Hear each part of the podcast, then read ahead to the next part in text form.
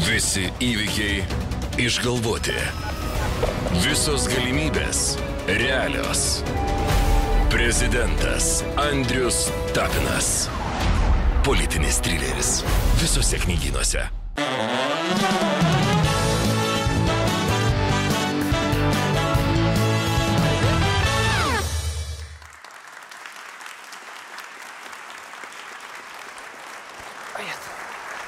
Jėzus Marija. Huh. Jėzus, tris metus po stalu prasidėjau. Sveiki, aš esu Timūras, atsarginis tapino vedėjas, jo pakeitėjas. Tai tris metus sėdėjau po stalu ir pagaliau išlindau į grino oro gurkšnį, galiu įkvėpti truputį. Ir šiandien aš esu vietoj Andriaus tapino. Iki šiol tai tik tai koinės ir jo bezdalus, o aš jau po stalu. Malonu čia būti. Tai laba diena, geras vakaras, labas rytas, kad ir kada mus bežiūrėtumėte. Su jumis kaip įprasta sveikinuosi intelektualios satyros vakaro šou. Laikykitės ten su Timūru šį kartą. Na gerai, gerai. Gal nelabai įprasta, bet kartais net laiko net stipriausi. Andriaus šią savaitę nėra, jį pavaduoju aš, Timūras. Nežinau, kas nutiko Andriui, bet jeigu jį pavaduoti e, atsiunčia bičią su sulaužyta ranka kaip pas mane, tai minimum turbūt darosi plastinė operacija. Ką tvarkosi, nežinau, rašykit komentaruose, teisingai atspėjusiam dovanoju šitą stalą, nes ne mano Andrius kaip nors susitvarkys.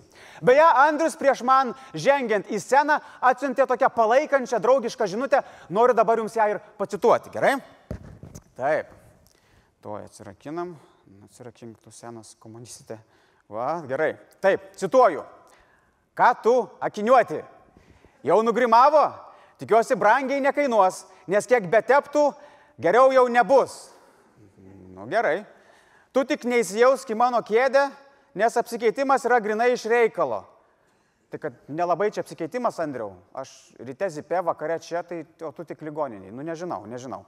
Susitvarkysiu viską ir mygom sugrįšiu. Apie plėtkus, kad daraus plastinę, net nekalbėk. Supratai, nu dabar jau supratau, Andriu.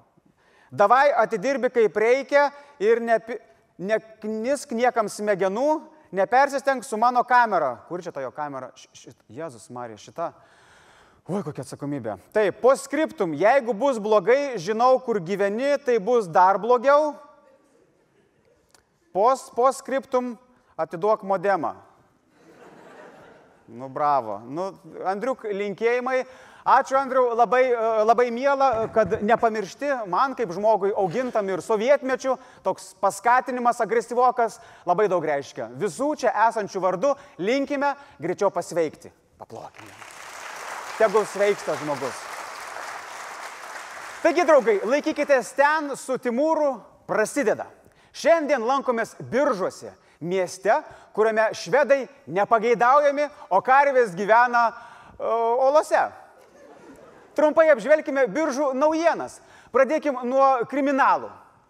Medeikių vaikų namuose įvyko vagystė. Dingo saldumynai.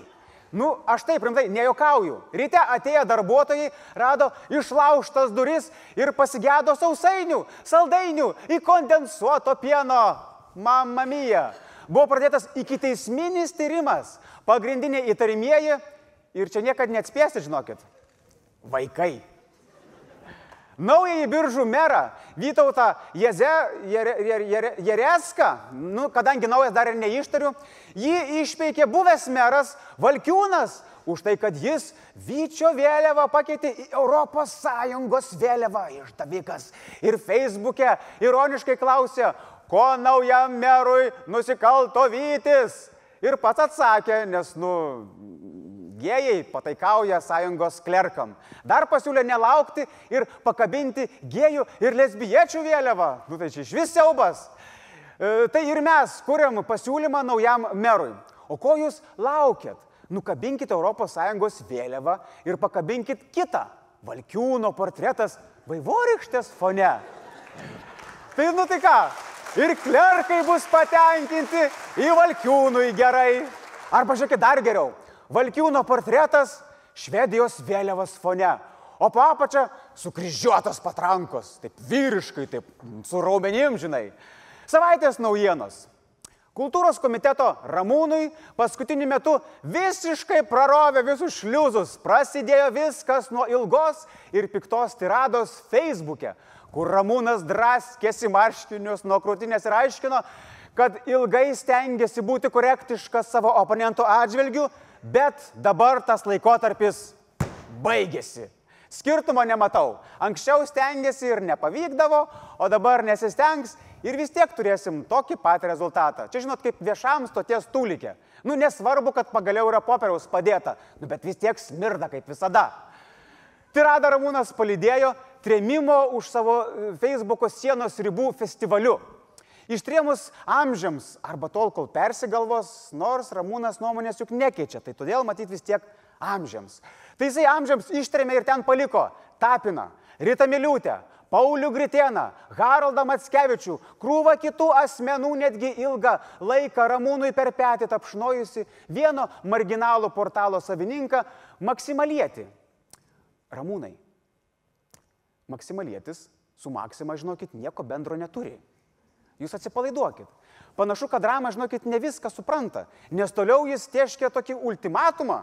Arba laimim prezidento ir Europarlamento rinkimus, arba išsipašalvoninam iš valdžios su visų savo skverneliu ir visais jo ten tais įrašais. O valstiečių frakcija Seime, jūs nepatikėsit, tokį Karbauskio planą priėmė ko ne vienbalsiai. Nu, šaunoliukai, šaunoliukai. Taip, tikrai verta paploti, gerai vykdo komandas pimpačiukai. Na, įdomus planas, labai įdomus. Įdomu tik, kaip jis baigsis, nes paskutiniu metu valstiečiams ir jų aplinkai su planais sudėtinga. Skvernelio planas huliganas su baltarusiais baigėsi, nu, žinom kuo. Nu, čia irgi žiūrėk, kad nesigautų planas huliganas. Nu, ne, nu, maža ką. Tiesa, reikia pripažinti, kad Ramūno planu buvo sužavėti ne visi. Visi jo pimpačiukai, žinokit, tikrai ten neplojo katučių. Jūs tik įsivaizduokite, Viktoras Pranskietis atsistojo ir išrėžė, kad nepritarė tokiam Karbauskio siūlymui, toks planas su juo derintas nebuvo ir frakcijos žmonės buvo pastatyti prieš faktą. Toks vaizdas, kad Pranskėtis tikrai gyvena gamtos ritmu ir įsibėgėjant pavasariui stiebėsi į dangų ir pražįsta, tarsi tos jo aktinidijos. Skleidžiasi toksai, toks draugiškas pasidarė. Gal ir požiūrį į žiniasklaidą Seimo pirmininkas turi atskirą ir nesutampantį su frakcijos daugumą. Gerimi kolegos, turiu priminti, kad šiandien švenčiama spaudos atgavimo kalbos ir knygos diena. Minėdami šią dieną turime suprasti, kokią reikšmę dabarčiai ji turi. Toj pasveikinsime Valio Ažalą, pabaigsiu apie spaudą ir spaudos atstovams yra paruošta užkandžiukų jų kambaryje. Pasveikinkime galbūt plojimais ir juos su šią profesinę dieną. Bravo, bravo, Viktorai, bravo. Sako, užkandžiukų, tokių, tokių kaip ir kilkiukų beveik. O kad dar kažkas iš Seimo e, fantastiškai patraukė tokį tikrai labai natūralų ir iš širdies, o ne iš jokio lapelio skaitytą žodį ir perklausė. O tai kada valių ažalą sveikinsim, prie ko čia tie žurnalistai? Nu, ryškiai paskubėjau su pagirom pranskiečiui, vat ir neklausyk tu liaudės išminties. Negirk dienos be vakaro, o Seimo pirmininko, nu, tiesiog iš vis negirk. Ta proga norėtųsi pasveikinti valių ažalą. Su kuo, nu mes čia nežinom, bet valiau sveikinam, keliam į sveikatą. Dar šią savaitę Seime buvo svarstoma šventvagiška idėja iš LRT tinklelio pašalinti Keno ir jėgos loterijų transliacijas. Čia siaubas. Mat jos yra kenksmingos ir skatina azartą. Čia Kestučio Masiulio pasiūlymas. Beje, kur Masiulis, ten jokio mąstymo out of the box. Griežtai sakau, šalin rankas nuo kultūrinio paveldo. Nors nėra, e, nors nėra netiesa, kad e, šitos loterijos ne, nekelia azarto. Man, pažiūrėjau, tikrai yra azartas gyvenime pagaliau sutikti bent vieną žmogų, kuris yra žaidęs Keneloto. Šią savaitę taip pat buvo surinkta spaudos konferencija, kurioje vilkikų vairuotojai, ukrainiečiai, skundėsi mūsų šalies darbdavių nežmoniškų elgesių ir išnaudojimu. Viskas tvarkoja. Problema tikrai opi ir verta rimto viešinimo. Tačiau nu, niekaip negalime netkreipti dėmesio į tai, kad vienas e, bičias buvo pasipuošęs spaudos konferencijoje, nu, ypatingai, nu, nuo, nu, puikiai. Jeigu šitas bičias nuspręstų, kad tolimųjų reisų ir šiaip vairavimo jam jau gana, aš jau žinau, kur galėtų būti kita jo karjeros stotelė. Lietuvos paštas. Ten, kaip suprantu, laukia šiltas prieimimas. Bonjour, bitches! Tai ką, nors Helovynas dar labai labai toli, bet Rolandas Paksas siaučia, žinokit, kaip apšlakstytas liktai šventintų vandenių būtų. Štai prieš keletą dienų jo šmėkla apsireiškė Minske. Ir susitiko ten su pačiu Aleksandru Lukašenka. Mat tik vienas dalykas, mat, man labai įdomu. Kiek Lukašenkai buvo nejauku ir nelygis prie vieno stalo sėdėti su bičiu, kurį kažkas sugebėjo iš prezidento posto išversti. Nu, žinokit, jaučiu pagal zonos panetkės, paksui Minskė priklausytų apatinis, dviaukštės lovos gultas. Na, o štai Latvijoje nuo kitų metų ketinama leisti alkoholiu prekiauti internetu. Spėjama, kad populiariausių puslapių sąraše AliExpress puslapį pakeis bambaliexpress.lv. Jo, jo, čia rimtas labai spėjimas. Ir Latvijai aiškina, kad kai kuriuose ES narėse tai galima daryti. Latvija jau dabar to naudojasi, o tai mažina alkoholio akcizų bei PVM įplaukas į Latvijos biudžetą. Nu, čia labai normalus dalykas. Ramūnas dabar su Aurelijum klauso, žymisi, užsirašinė, į nesupranta. Kaip čia dabar reikės uždrausti tą internetą? Kaip čia? O per kūnę, o dievai. Šiandien norime pakalbėti apie visai mūsų laidos kūrybiniai komandai aktualų klausimą - lyčių lygybę turime realią bėdą. Visoje laidos scenaristų gvardijoje nei vienos moters. Ir tai ne tik bėda, tai gėda. Už lango 21 amžius, o pas mus vieni dėdai. Čia juk ne nu, kibartų kolonija kokia, o laisvės televizija špyga taukota. Gal ir negali sakyti, kad čia taip specialiai gavosi. Kiek kviečiam, tiek jos ateina, apsižiūri, nu ir išeina. Nu čia kaip MBA skautai ryto rungtynėse. Nu čia tikrai, žinokit, labai aktualus moterim bairis, aha. Iš pradžių, žinokit, Hebra e, galvoja, kad čia jie vieni tokie raupsuoti, seksistai galvoja, bet po to buvo nutarta pa, e, panagrinėti giliau, nu taip gerokai giliau, ar čia tik unikalus mūsų atvejis, ar visam margam pasauliui būdingas fenomenas. Ir atradome dalykų, kurie paneigia seną ir nuvalkytą tiesą, kad moteris skaudina tik vienintelė problema Tai yra apsirengti nėra ką, nes visi vyrai keulės. Nepasirodo, yra ir svarbesnių dalykų, bet apie viską iš eilės. Kyla natūralus klausimas, ar visuomet taip buvo? Galgi taip gamtos surėdyta, o gal mes tokie, kad eitumėm prieš gamtą, kaip dažnai mėgsta sakyti, brakonieriai. Ne, pasirodo, ne visuomet. Buvo kažkada tokia tvarka kaip matriarchatas. Tai reiškia, kad didžiuliai šeimai su 10 vaikų, 30 vaikaičių, 50 provaikaičių, 9 švogeriais, 8 svainiais vadovavo šeimos motina. Kai kurie istorikai tai aiškina, kad tokiuose didelėse šeimose nelabai buvo aišku atsekti, kas yra kūdikio tėvas. Nu, šiais laikais tai DNR tyrimą daro, net kai ir visi aplinkui žino, kas yra tėvas. Petrai, kaip sekasi? Ogi kas motina, visuomet aišku. Na, išskyrus e, dienos metu rodomose melodramose, ten niekada nieks neaišku. Tačiau besibaigiant e, paleolitui ir prasidedant vėlyvajam akmens amžiui, matriarchatas nyko, nyko, po truputį nunyko ir dėdai ėmė imti valdžią. Vyrai ėmė valdyti. Nu, ne iš karto beje, senovės Babilone, pavyzdžiui, ir net Egipte, moteris dar turėjo ko ne visiškai lygias nusavybės teisės. Ir jeigu vyras sugalvodavo išsiskirti su žmona, turėdavo jai gražinti iš jos gautą kraitį. Tai žinokit, labai daug žmonių persigalvodavo ir nebesiskirdavo, nes nu labai jau sudėtinga ta visa skrybų buhalterija. Sako, ai, čia bus gerai ir ta patiks. Moterims reikalai ėmė visai prastėti a, antikinėme pasaulyje. Mūsų taip garbinamoje Graikijoje išlaisvintas vergas galėjo tapti piliečiu ir balsuoti, o moteris niekaip į neprokur. Tam netgi filosofinį pagrindą graikai buvo sugalvoję. Pats Aristotelis sakė, kad moteris atneša netvarką ir blogį, todėl geriau jas laikyti toliau nuo visuomenės. Čia rimtas žmogus sakė. Aš va bandau įsivaizduoti, taip žinai, kai, kai tai jam turėjo atsakyti jo žmona Pitija. Grįžta Aristotelis namo toks visas pavargęs, toks nusikamavęs, toks nusimastęs visas, o dar po pietų ten fakultatyvą turėjo su Aleksandru Makedoniečiu ir mokė į kirčiavimo ir asmenavimo. Auč. Grįžta, o ant stalo tuščia.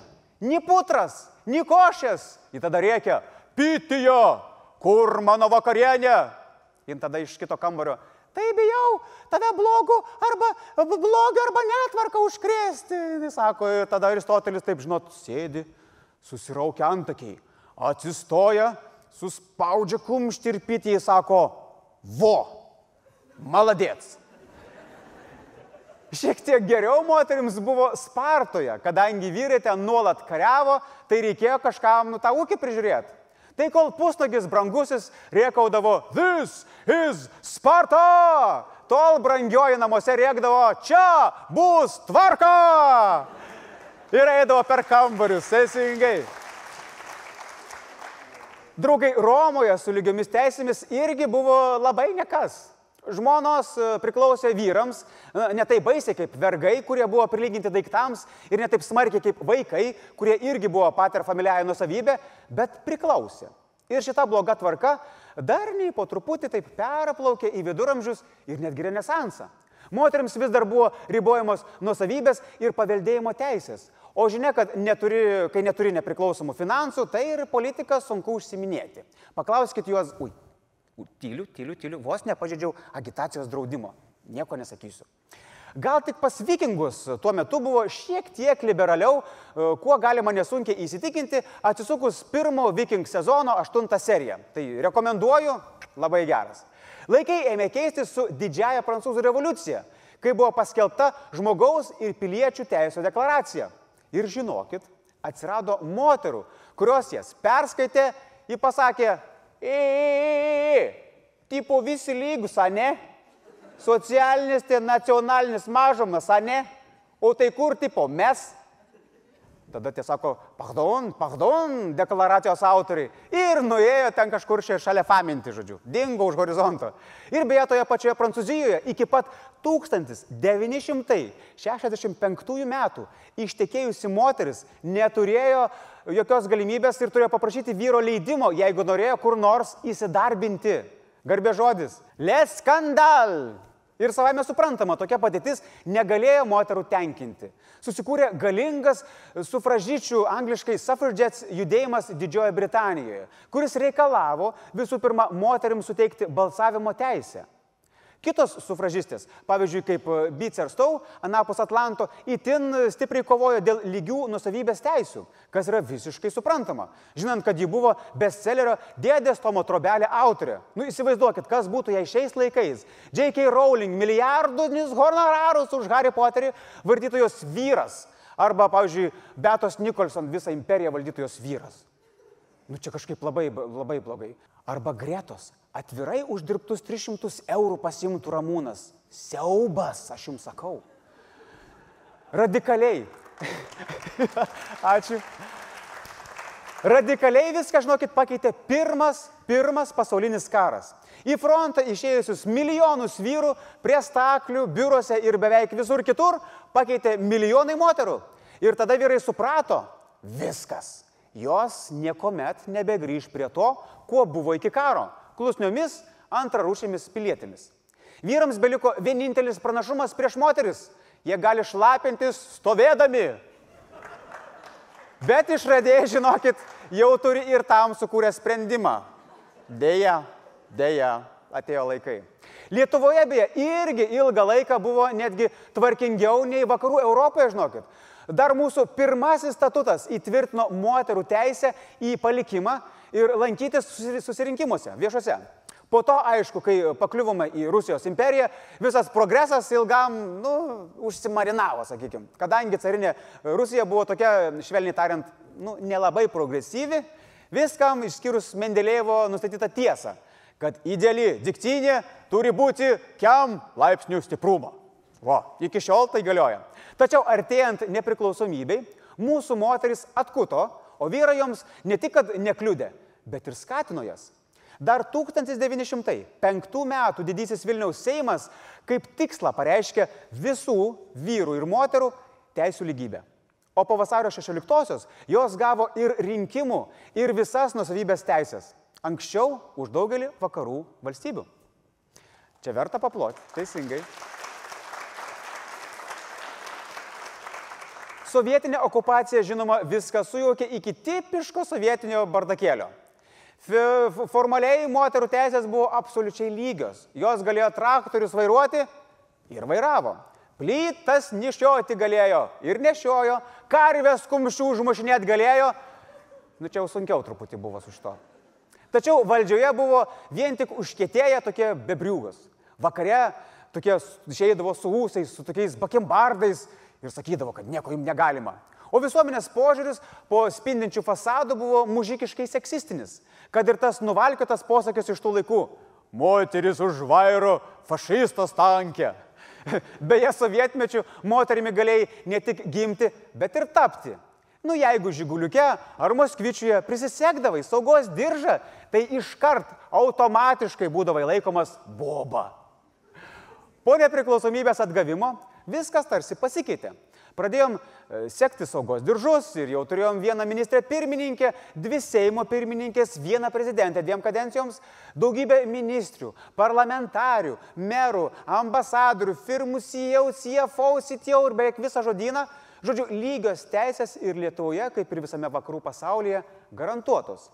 Mes ne Saudo Arabija, kur moteris nuo 2011 gali balsuoti tik vietos rinkimuose na čia gal nevykęs pavyzdys, nes ten tokių rinkimų kaip ir nėra, čia, čia, taip, čia kažkaip taip. Bet kaip reikalai su galimybė naudotis šiomis teisėmis? Kaip ir daugelį gyvenimo sričių, taip ir dėl lyčių lygybės daugiausiai diskusijų ir pykčių sukelia tai, ko taip trūksta puteikiui. Ne, ne, ne, tai nestuburas pinigai, o jei tiksliau vyrų ir moterų uždarbių skirtumas. Kasmet pasaulyje minima lygaus darbo užmokesčio diena. Žiniasklaidoje nuolat pasirodo straipsniai ir reportažai, nes pagrindo diskusijoms tikrai netrūksta. Bet kaip ir kovo 9 rytą, kitą dieną viskas pamirštama ir grįžta į senas vežes. Pabandykit atspėti, ar moteris ir vyrai Europoje uždirba vienodai. Kaip galvojat, kurie uždirba daugiau? Na gerai, gerai, čia gal nėra taip jau sunku, žinokit, vyrai uždirba daugiau. O koks ES arba eurozonos atlyginimų vidurkis? Turėtų būti daugiau, mažiau lygus, ar ne? Nu, žinokit, toli gražu. Pagal Eurostato pateikiamą e, nekoreguotą statistiką, tai yra nelyginant pagal darbo pobūdį ir dirbamą laiką, moteris visoje ES per valandą vidutiniškai uždirba apie 16 procentų mažiau nei vyrai. Įsivaizduokit taip, moteris be pelno mokesčio sumoka dar papildomą mokestį už tai, kad jos moteris. Nelabai, ar ne? Ir jeigu netyčia pamiršot, ES turėtų būti socializmo ir visokios ten lygybės rojus, bent jau pasak tautininkų. Betgi skandalas, pasirodo, taip nėra. Ekonomiškai ir demokratiškai labiausiai išsivyščiusiose šalise - Vokietijoje, Junktinėje karalystėje, Austrijoje, Suomijoje - moteris uždirba mažiausiai lyginant su vyrais. Nors atrodytų būtent šiuose šalise diskriminacija pagal lytį turėtų būti mažiausia ir moters bei vyro vaidmuo visuomenėje toks, nu, lygiausias. Tuo tarpu Lenkijoje, Rumunijoje, Italijoje, Slovenijoje algos yra panašiausios, o vaidmuo visai neligus. Lietuva pagal vyrų ir moterų atlyginimų skirtumą atrodo net geriau nei ES vidurkis. Su 14 procentų skirtumu lenkiam tokia šalis kaip Danija, Olandija, Prancūzija ir kitas jau minėtas senasias demokratijas. Ir tai tikrai ne dėl to, kad esam šiaurės rytų posovietinė šalis. Tikrai, tikrai žinokit, ne tai. Šitas faktas nulėmė tik tai, kad turime daugiausia moterų troleibusų vairuotojų per capita, tai yra pasaulyje. Be to, pirmą kartą laikykitės ten istorijoje, galime pasidžiaugti, kad atsiliekame nuo estų pas kuriuos moterų ir vyrų atlyginimų skirtumas didžiausias Europoje. Didžiausias, didžiausias, jes. Turėjau galvoje, mm, kaip negerai, palaukit. Ai, vargšas tas moteris. Ne, tai čia, čia vis tik čia negerai, čia buvo, atleiskit. O dabar ištarsiu citatą, kurią Andrius Tapinas yra sakęs 422 kartus. Nors negalima lyginti, bet palyginkim. Lemba, negaliu, kaip aš pasiilgsiu Butkevičius, jūs neįsivaizduojate, tokie geri laikai, taip viskas paprasta buvo. Grįžki premjerus, prašau. Taigi, jeigu lygintume vyrus ir moteris dirbančius panašiose pareigose, panašiose sektoriuose ir su panašia patirtimi, atlyginimų skirtumas tarp lyčių šiek tiek sumažėtų. Bet vis tiek išliktų. Reikšmingas toks, nu toks nemažas. Tarptautinio darbo užmokesčio portalo PayLab duomenimis Lietuvoje egzistuoja apie 9 procentų skirtumas vyrų naudai. Ir jau girdžiu komentaruose taipinantį vyruką, tap, tap, tap, tap, tap, vyrai dirba sunkesnius darbus, tai ir uždirba už tai daugiau, tap, tap, tap, tap, tap. Ne, viskas taip, ne viskas taip paprasta. Ir mielas komentatoriau, pažiūrėčiau, kaip tau patiktų, jeigu šeštadienį, trečią valandą ryto, su draugė nueitum į kokią kebabinę, užsakytum du vienodus didelius su česnakiniu, sumokėtumėt vienodai, bet tavo draugiai atneštų 10 procentų didesnį kebabą. Esu garantuotas, kad nedelsiant atsirastų lygaus kebabo diena ir sukrūstų tokieks kebabizmo judėjimas, sakytų, už lygius kebabus, už lygius. Bet iš tiesų vyrai dažniau renkasi geriau apmokamas, daugiau pavojingesnės bei fiziškai sunkesnės profesijas. Na, pavyzdžiui, stokdengiai, metkirčiai, suvirintojai, elektrikai, transporto darbuotojai gerokai dažniau yra vyrai ir gerokai dažniau darbe nusisuka galva. Ir pavyzdžiui, niekas nežino, bet kodėl. Didžioji dalis urologų yra vyrai. Nors pagal vyrišką logiką čia yra pats, pats moteriškiausias darbas. Nors techniškai ir ten galima galvą sukioti. Nors ne, ne, palaukit, grį, jo, grį, grįžtam, grįžtam. Jo, gerai, kur aš čia baigiau? O, irgi negerai. Palaukit, žodžiu, tęsiam temą. Nors profesinių lygų skaičius pastaraisiais metais Lietuvoje ir sumažėjo, bet vis tiek vyrams jų buvo nustatoma bent 2-3 kartus daugiau. Tai ypač pasireiškia tarp dabartinių Seimo narių. Susigyjusių, susirgusių asmenybės sutrikimais tokiais, kai galvoji, kad esi toks vertas dalyvauti prezidento rinkimuose. Yra tokių, yra tokių. JAV ekspertai suskaičiavo, kad Amerikoje per metus dėl nelaimingo atsitikimo darbe miršta apie 5000 darbuotojų. Ir net 90 procentų jų sudaro vyrai. Ir kai visi kalba apie Fortune 500 vadovų topą, kuriame beveik vien vyrai, niekas negalvoja apie Unfortunate 5000, kuriame irgi beveik vien vyrai. Vis dėlto, vien darbo pavojingumas tokio didelio atlyginimų skirtumo nepaaiškina. Kokios kitos priežastys? Gal tai siekiamybė, kuri niekada neišsipildys, nes įkalta į mūsų visuomenę nuo dar kokio Fredo Flintstono laikų jaučiu. Jau aptarėm, kaip buvo antikoje ir kaip buvo viduramžiais, minėjom, kokie progresyvūs buvo Vilniaus Seimo dalyviai, bet vad liaudės išmintis sako kitaip. Visi esam girdėję posakius, kad senovėje maistas neturėjo chemijos, žmonės su gamta turėjo artimesnį ryšį ir aš nekalbu apie prie ruso buvo geriau, Čia labiau traukiam iki prie Stepono Batoro netgi buvo geriau. Tai va, jei grįžtame į tuos laikus, tai atlyginimų skirtumas neegzistuotų, nes nu, negali mažiau uždirbti, jei negali dirbti. Kaip patarlės byloja, neleis keulės prie bulvių, moters prie pinigų. O šiaip liaudiškos patarlės, žinokit, persmeltos tokio labai stipraus šovinizmo. Nu, pavyzdžiui, asilas, moteriškė ir riešutas bus geri, jeigu mušami ko velnės nevalios, ta boba valios. Arba va dar vienas geras. Moteris tai kai verba, kuo labiau laužai, tuo gražesnė atželė. Na ir žinoma, moteriškos protas trimis lotais užšūts, žodžiu, lengvesnis. Jėzus Marė, kas tokius dalykus sugalvodavo? Tai mielos moteris, kai išgirsit kokį politiką, žadantį gražinti lietuvius prie jų šaknų, imkite plakatus, eikit protestuoti, nes jei jis laimės, tai labai pakils rankų kremo kaina, nes skalbti rūbus vėl reikės prie upės. Nu gerai, patarlės patarlėmis, o kokios yra konkrečios priežastys, kurios lemia mažesnį moterų atlyginimą. Iškart e, noriu perspėti, kad e, tai, ką pasakysiu, gali nepatikti užkėtėjusiems lygių teisų gynėjoms. Statistika ir tendencijos rodo, kad skirtumas tarp atlyginimų ateityje tik didės. Dėl to moteris gali kaltinti dėja tik save. Kodėl? Nes moteris renkasi prašiau apmokamas specialybės. Prieš dešimtmetį, 2008 metais socialinių paslaugų sferoje 90 procentų studijuojančių sudarė merginos, sveikatos priežos 80 procentų, panašiai žurnalistikoje, pedagogikoje. Tuo tarpu geriau apmokamuose transporto, IT ir inžinerijos moksluose 80-90 procentų studentų buvo bahuriukai.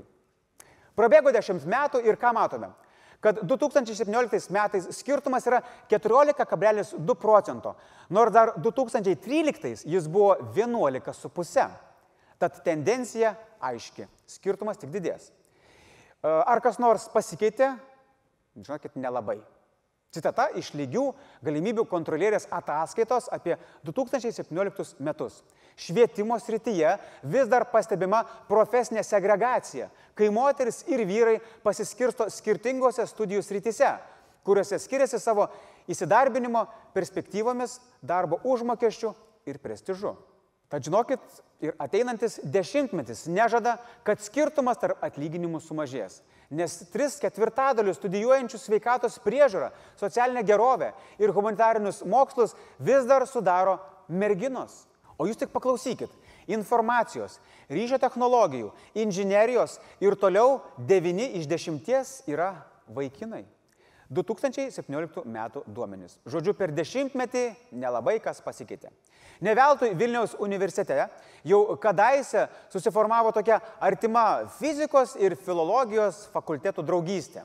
Nes abu fakultetai gali pasiūlyti vienas kitam tai, ko jiems labiausiai trūksta. Na, ko merginų dėmesio ištroskusiems fizikams trūksta, tai mums ir, mums ir taip aišku, o filologams greičiausiai ateityje trūkstų 10 procentų prie atlyginimo. Nieko čia ne, neviniokit aplinkui. Na ir žinoma, fizikas apsaugos nuo dinozauro. Čia šiaip lygios teisės ne prie ko, dinozauras yra dinozauras. Visada. Ir šiaip, tas atlyginimo skirtumo skaičius labai jau apibendrintas ir pamautas ant vieno kurpalio. Retai atsižvelgiant į kitus kriterijus, jau aptariam, kad merginos renkasi prašiau apmokamos specialybės, bet tai tik vienas iš kintamųjų. Dėmesį verta atkreipti į užimtumo skaičius. Šiaip visoje ES vyrų užimtumas yra 11,5 procentų didesnis nei moterų. Tai rodo, kad vyrai renkasi daugiau darbo valandų reikalaujančias profesijas ir juose praleidžia daugiau laiko. Didžiausi skirtumai pietinėse šalise - Graikija, Rumunija, Italija, mažiausi šiaurėje - Lietuva, Latvija, Švedija ir Norvegija. O štai pastarąją verta aptarti plačiau. Ji dažnai minima kaip šalis pasiekusi didžiausius laimėjimus lygybės rytyje. Dar 2008 metais Norvegija prieėmė įstatymą, liepianti 40 procentų vadovaujančių postų įmonėje skirti moterims. Jos pavyzdžių vėliau pasiekė Belgija, Prancūzija, Italija, taip pat Norvegijos parlamente moteris sudaro 40 procentų narių. Bet ar žinojote, kad didžiausią skaičių moterų parlamente turi Ruanda 61 procentus, o mažiausia Jemenas ir Papua Naujoji Gvinėja. Ten yra gražus nuliukas. Visiškas Aziskų šventė, tikras Krekenavos agrofirmos suvažiavimas. Akademikų tarpe pasigirsta tokių raginimų atšaukti šią sistemą, nes ji iškreipia rinką. Matot, matematiškai ji nu, nesusidėlioja. Tarkim, jei kokios IT kompanijos vadovas užsibrieštų tikslą, kad programuotojų turi būti po lygiai - PEM ant PEM, bet santykis darbo rinkoje yra vienas prie dešimties. Tuomet, norėdamas užpildyti kvotą, turėtum nuleisti kartelę arba pakelti atlyginimus. Ir tai sukelia naują konfliktą, kuomet mažiau kvalifikuotos bendradarbės gautų vienodus atlyginimus tik dėl savo lyties. Noriu, kad suprastumėt, nėra lengvų atsakymų į sunkius klausimus, bet diskusija būtina. Kaip ir būtina raginti jaunas merginas rinktis pelningesnės specialybės, nes kvotų sistema šios problemos e, neišspręs. Kas būtų, jei pradėtumėte uh, įvedinėti kvotas visur? Nu, pavyzdžiui, 95 procentai kalinčių kalėjime yra vyrai, tai įsivaizduojate, jeigu vestumėt kvotą, kad būtų polygiai. Ir valstybinių lygių pradedam sodinti, kol bus lygybė už bet ką. Būtų kaip, nu, vat, viduramžiais, tik vietoj laužo, už nupieštus negražius antakius į belangę. Nu, nelabai ne, ne gerai, nelabai. Ir apskritai dabartinėje politinėje ir socialinėje realybėje naujiems trendams ir skandalams keičiant vienas kitą šviesos greičiu galima nesunkiai pasimesti. Įsivaizduokit hipotetinę situaciją. Vaikinas toks nu, visai feministas, toks su Fedora, PC ir Vogue, toks viską, nori pasitikti, nori įtikti, tiksliau, tokiai pat PC ir Vogue feministai, merginai, todėl pasikviečia ją į naujausią Marvelio filmą su superherojo moterim. Viskas kol kas kaip ir ok. Tada vaikinas vos, vos, vad per tokį plaukelį nesumoka už abiejų bilietus. O Jėzau, ką tik išvengė dramos, akių draskimo, mergina juk ir pati gali susimokėti. Ir ką, pinigų neturi, neuždirba. Uždirba, turi ramiai, ramiai, ramiai. Tada vaikinas vos nepadeda, nepradeda pasakoti apie Marvelio visatą, norėdamas taip nu, padėti suprasti siužetą. Jis per plauką išvengė mansplainingo. Tai yra, mergina juk ir pati gali pasigūglinti, nereikia jai vyro, kad paaiškintų. Bet baisiausia, kai atsisėdęs kino salėje, vaikinas įsitaisė per daug patogiai ir tada vos nepamens spredino. Čia kur taip pat atsisėdė ir viskas matosi. Čia žinokit, šito per daug neaiškinsiu, bet už šitą tikrai atleista nebūtų. Aišku, čia perlenkiu, bet realybė kartais e, nespėja keistis kartu su vyraujančiais trendais. Ir ta pati mergina gali galbūt visai nieko prieš, jei vaikinas už ją ir bilietą nupirktų, ir vakarienę apmokėtų, ir ten viską būtų sumokėjęs ir apmokėjęs, o ir apie Marvelio visatą jį visai gal nedaug ten ir žinojo. Bet abu faini ir protingi, o žaidimo taisyklės dabar kitokios. Kovos su tokiamis besikeičiančiomis taisyklėmis neblogai atspindėjo pastarieji JAV prezidento rinkimai kur vienoje pusėje buvo e, pažanga, lygios teisės, liberalizmas, o kitoj seksizmas, mizoginija ir pagyvenęs visko nepatenkintas labai turtingas dėdė. Kas laimėjo? Priminti nereikia. Ir tai nieko nebestebina. Tokia pat banga rytasi ir per Europą, ir kitas valstybės. Kartais dėl tokios atmetimo ir e, nemalonios reakcijos prisideda ir pačios feministės. Klasikinis radikalaus feminizmo pavyzdys - Valerija Solanas, išleidusi SCAM, tokį Society for Cutting Up Men nenoriu vers, nes labai baisiai skamba, tai manifestas, kuriame jis siūlė išnaikinti vyrus ir sukurti moterišką visuomenę. Solanas dar pasikesino nužudyti JAV e, menininką Andy Varholą, siekdama išgarsėti. Nu, išgarsėti pavyko, sėsti kalėjimą taip pat. Yra ir daug subtilesnių tokių apraiškų, sukeliančių e, akies trukčiimą. Štai JAV feministės siekia įstatymų uždrausti moteriams likti namuose ir auginti vaikus. Pasak jų, moteris turėtų būti verčiamos dirbti. Dar buvo iniciatyva uždrausti kritikuoti feministės. Sakyčiau, labai jau įžeidžios tos feministės. Primena man tokį vieną mūsų politikėlį. Gerai, gerai, išėjau kažkur. Feministės, veganės Melbourne, Australijoje buvo atidariusios kavinę kurie buvo man tax. Tai yra mokestis vyram, jiem tekdavo primokėti 18 procentų daugiau už sąskaitą, o moteris turėjo pirmenybę atsisėsti. Kažkaip, nu, neskamba kaip lygybė. Gal dėl to kavinė ir bankrutavo po dviejų metų. Šiaip dar ilgai traukia, jeigu ką. JAV universitetuose dar sklandė mintis žodį istorija, history, pakeisti į their story, nes žodis žiauriai seksistinis, tai tipo his story. O kur her part of the story? Ką? Ir nu nesvarbu, kad žodis iš senovės Graikijos, bet vat užėjo truputį.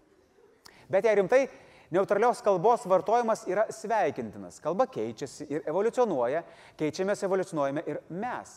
Tik iš anksto įspėju, kad bus bėdų, kai reikės į moterišką versiją pakeisti žodžius didvyris, tėvynė ir žalgiris. Nu galvoju, vad kas čia gautųsi. Čia turbūt būtų didmoteris, motininė ir turbūt Vilniaus rytas.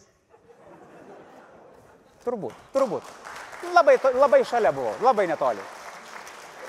Be to reikia suprasti, kad kartais kovojant už lygias teisės sukuriama paradoksali situacija, kai vieną despotą diktatorių vyrą keičia lygiai toks pat despotas diktatorius, diktatorė moteris. Bet mes šiandien norime kalbėti ne apie vyrų ar moterų teisės atskirai, o apie lygias teisės. Tiek moteriams, tiek vyrams. Kokią galima padaryti išvadą iš šio monologo, prie kurio neprisidėjo ne viena moteris.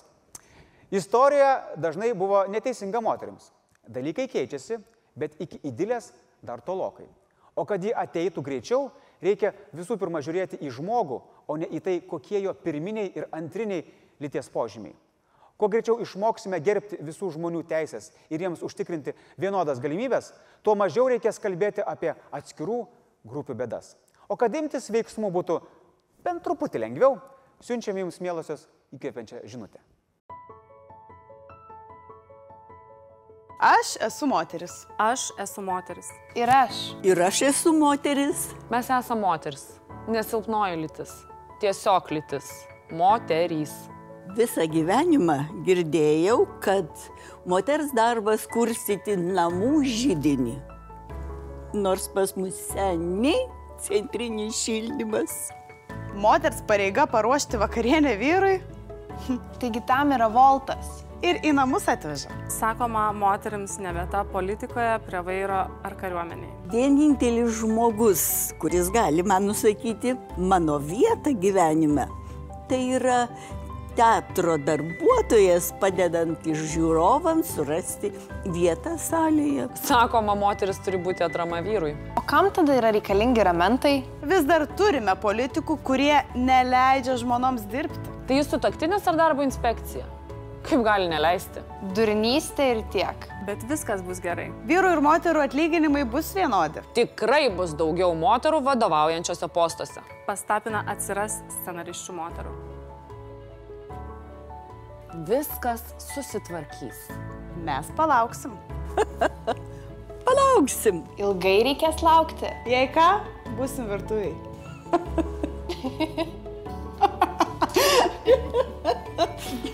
Pala. Tai taip išeina, kad šitą scenarių irgi rašė vyras.